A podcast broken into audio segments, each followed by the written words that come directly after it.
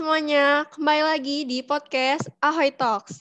Nah, di podcast Ahoy Talks kali ini, aku bakalan nemenin kalian selama beberapa menit ke depan nih. Tapi di sini aku nggak bakalan ngomong sendirian, guys. Aku ditemenin sama pejabat BEM Fapet. Iya, beneran. Ini beneran pejabat, guys.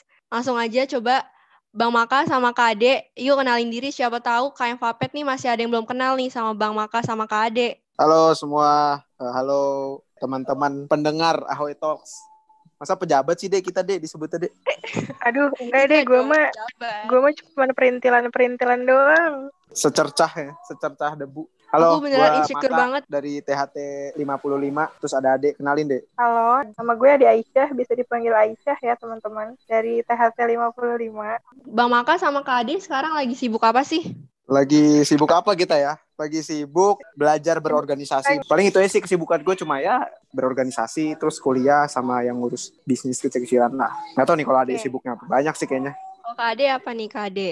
Gue mah ya sibuk rebahan aja, mantengin Twitter. Aduh, Jadi emang, emang hobinya gitu, dia mantengin-mantengin yang trending gitu loh. Dia kayak seneng gitu, apalagi kalau ngelihat masalah-masalah gitu. Oke, sebelum itu, Bang Maka sama Kak Ade, ada yang tahu nggak sih sekarang hari keberapa setelah pelantikan Ketua BEM Fapet nih? Aduh, hari keberapa ya pelantikan setelah gua sumpah kali ya? Kalau setelah gua sumpah jabatan, mungkin memasuki periode ke anggap aja 100 hari kerja lah. Itu gimana tuh Bang? Coba Bang Maka sama Kak Ade ceritain dong lika-liku selama 100 hari kerja ini. Kasih tahu mah. Kan yang yang selalu kena lika-likum kan lu. Enggak lah, gue mah lurus-lurus aja hidupnya. Kalau luka-luka.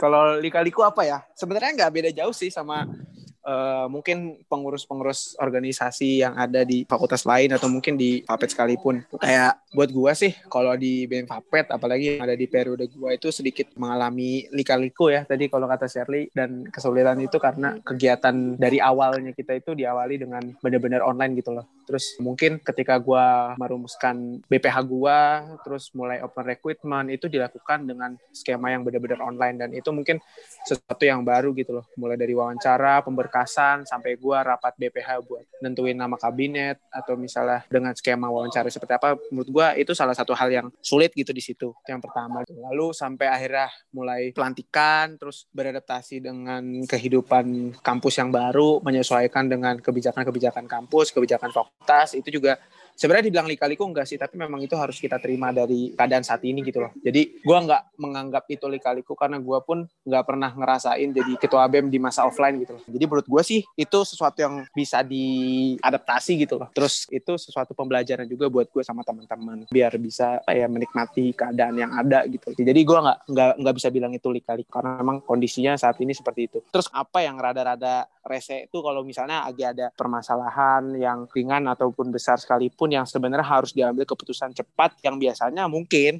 kalau lagi offline tuh jauh lebih gampang gitu loh. Tapi karena lagi online mungkin harus bikin ini dulu, bikin link Zoom-nya dulu, terus kayak beradaptasi dengan sinyal di daerah masing-masing. Paling kalau dari gue itu sih. Kalau Ade sih ya, coba deh gimana deh? Kalau dari gue sih, lika-likunya pertama, itu tuh kaget. Kan gue sebelumnya nggak pernah jadi sekretaris umum nih.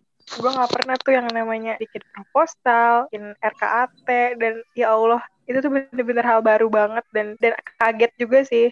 Untungnya kan ada sosialisasinya. Nah, mulai dari situ gue ngerti tuh. Ditambah, ya Allah, lu pada tuh harus tahu rumah gue tuh banjir, cuy. Lu bayangin, gue lagi kuliah. Kuliahnya online.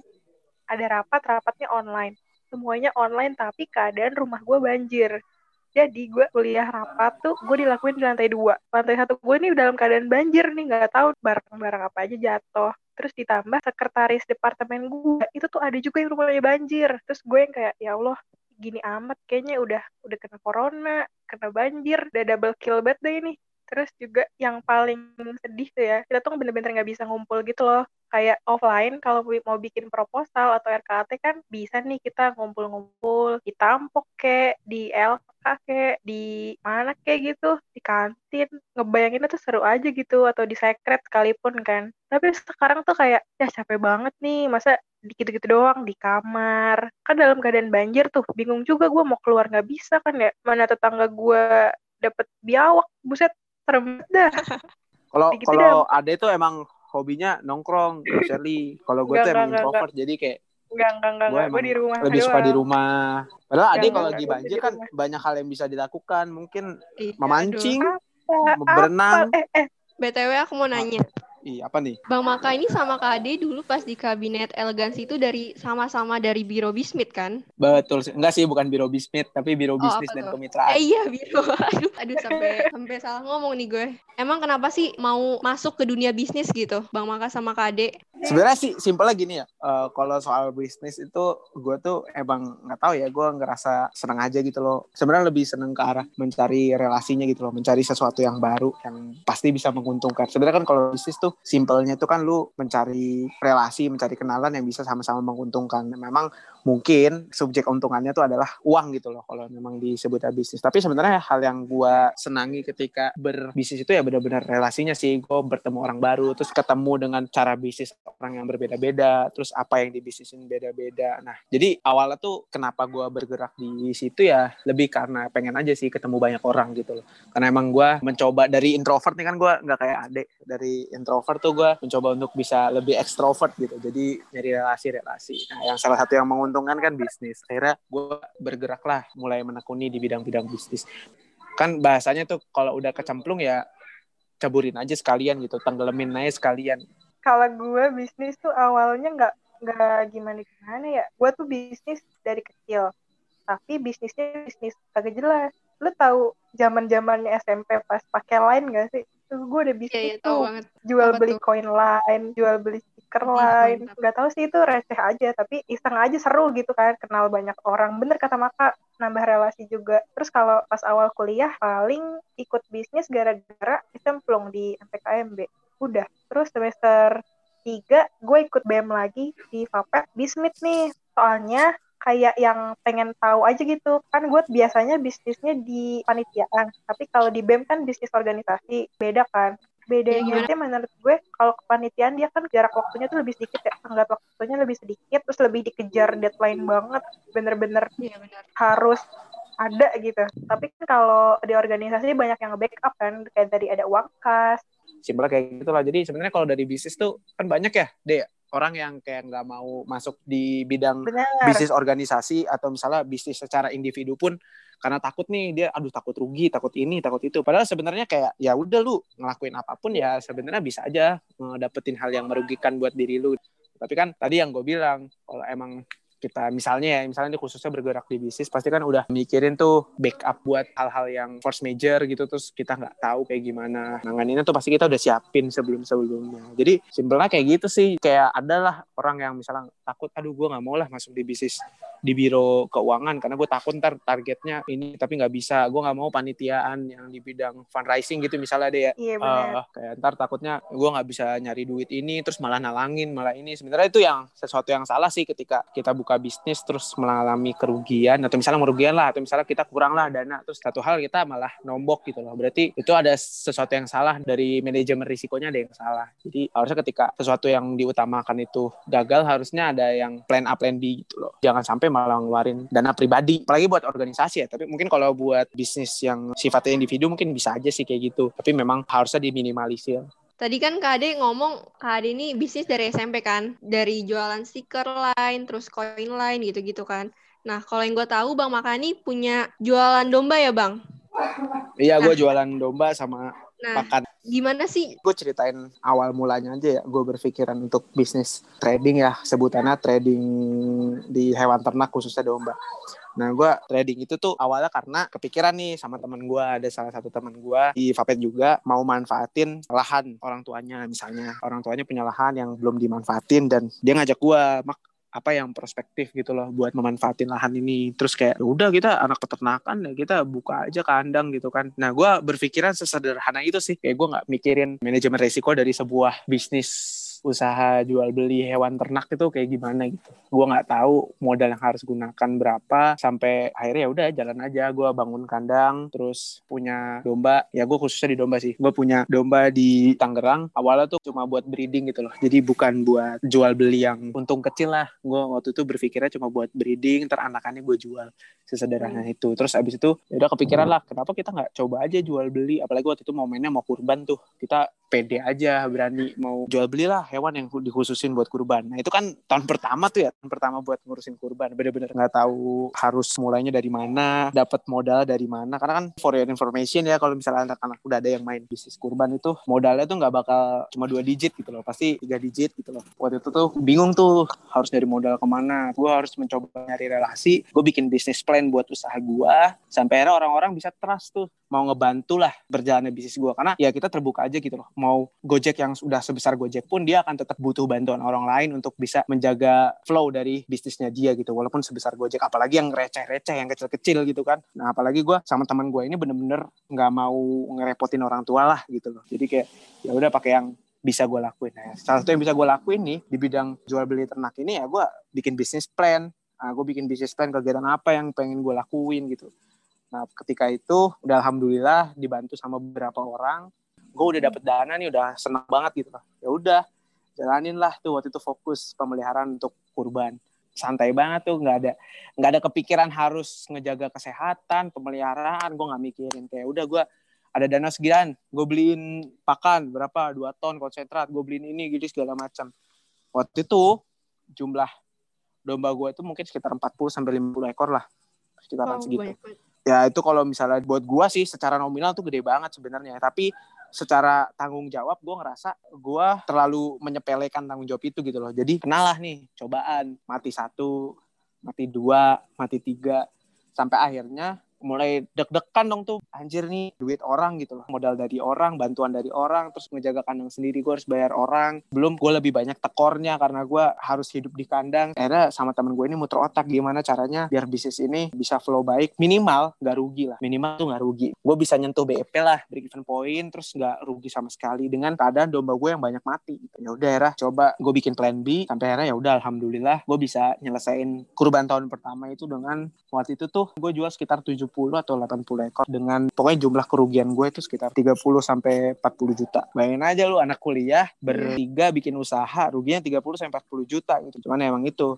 berkat dari persiapan manajemen resiko untuk di build dengan baik gitu loh dengan teman-teman pokoknya nggak nggak pernah berpikiran bahwa ini karena gue rugi ya udahlah gue sampai sini aja gitu enggak jangan sampai kayak gitu gitu ya udah dicobain aja cari pikirin apa yang bisa kita lakuin di plan-plan lainnya. Ini kalau mau jujur ya, gue dari awal sama temen gue ini nggak pernah berpikiran untuk bisnis gue bakal untung gitu. Dan gue nggak pernah menghitung keuntungan dari bisnis gue buat gue pribadi tapi setidaknya bisnis gue itu bisa menghidupi orang-orang yang ngebantu gue itu yang pertama.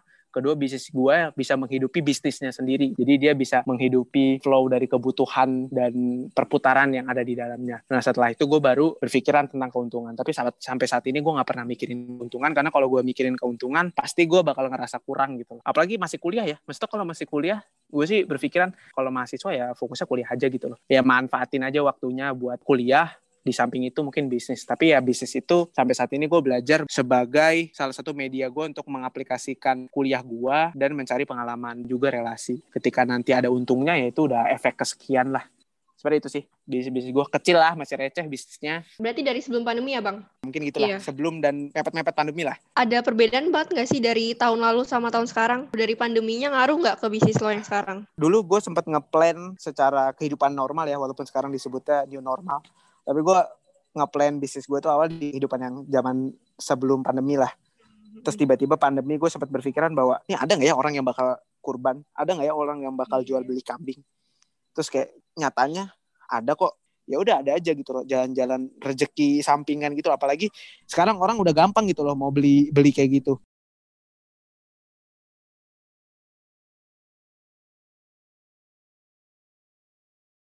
Ya intinya nggak usah takut lah kalau mau coba mulai bisnis dalam keadaan kayak gini. Gitu sih kalau dari gue soal omong-omongan bisnis ya. Ini cuma dari perspektif gue kalau misalnya ada yang sesuai ya silahkan diterima. Kalau misalnya nggak sesuai ya nggak apa-apa gitu loh. Bersyukur aja berarti kita punya dua pandangan yang mungkin bisa saling berdiskusi gitu loh. Kayak gitu sih iya, dari gue soal bisnis. Kalau KD gimana KD pesan-kesan nih buat orang yang lagi mau rintis bisnis sekarang. Jadi kalau menurut gue kalau orang-orang yang takut banget buat masuk finance di organisasi gitu mendingan coba dulu aja deh. Soalnya nggak cuman nggak cuman rugi doang kalau dapetin gitu tapi lo bisa dapet relasi. Relasinya tuh nggak cuman ke teman seumuran tapi bisa juga ke atasan-atasan perusahaan tuker-tuker info sama panitian lain tentang sponsorship tentang lo jualan apa nih di kepanitiaan ini? Gue bagi juga dong ikut join bareng gitu dong terus kalau saran gue yang belum pernah memulai bisnis, mendingan mulai deh kecil-kecilan aja gitu. Jangan takut buat gagal. Setidaknya kalau gagal lu tuh udah pernah ngerasain gitu. Oke, tadi kita udah sharing di 100 hari kerja pertama tuh gimana, terus organisasi online sama offline tuh gimana, dan bisnis. BTW, kita kan belum pernah ketemu kan ya Bang? Sama Kade. Coba dong iya, kasih tahu ke kita semua kayak Belum nih. gimana sih biar bisa menjaga keoptimalan kinerja gitu loh. Apalagi saat pandemi kayak gini kan kita ini nggak tetap muka. Kalau dari gue apa ya?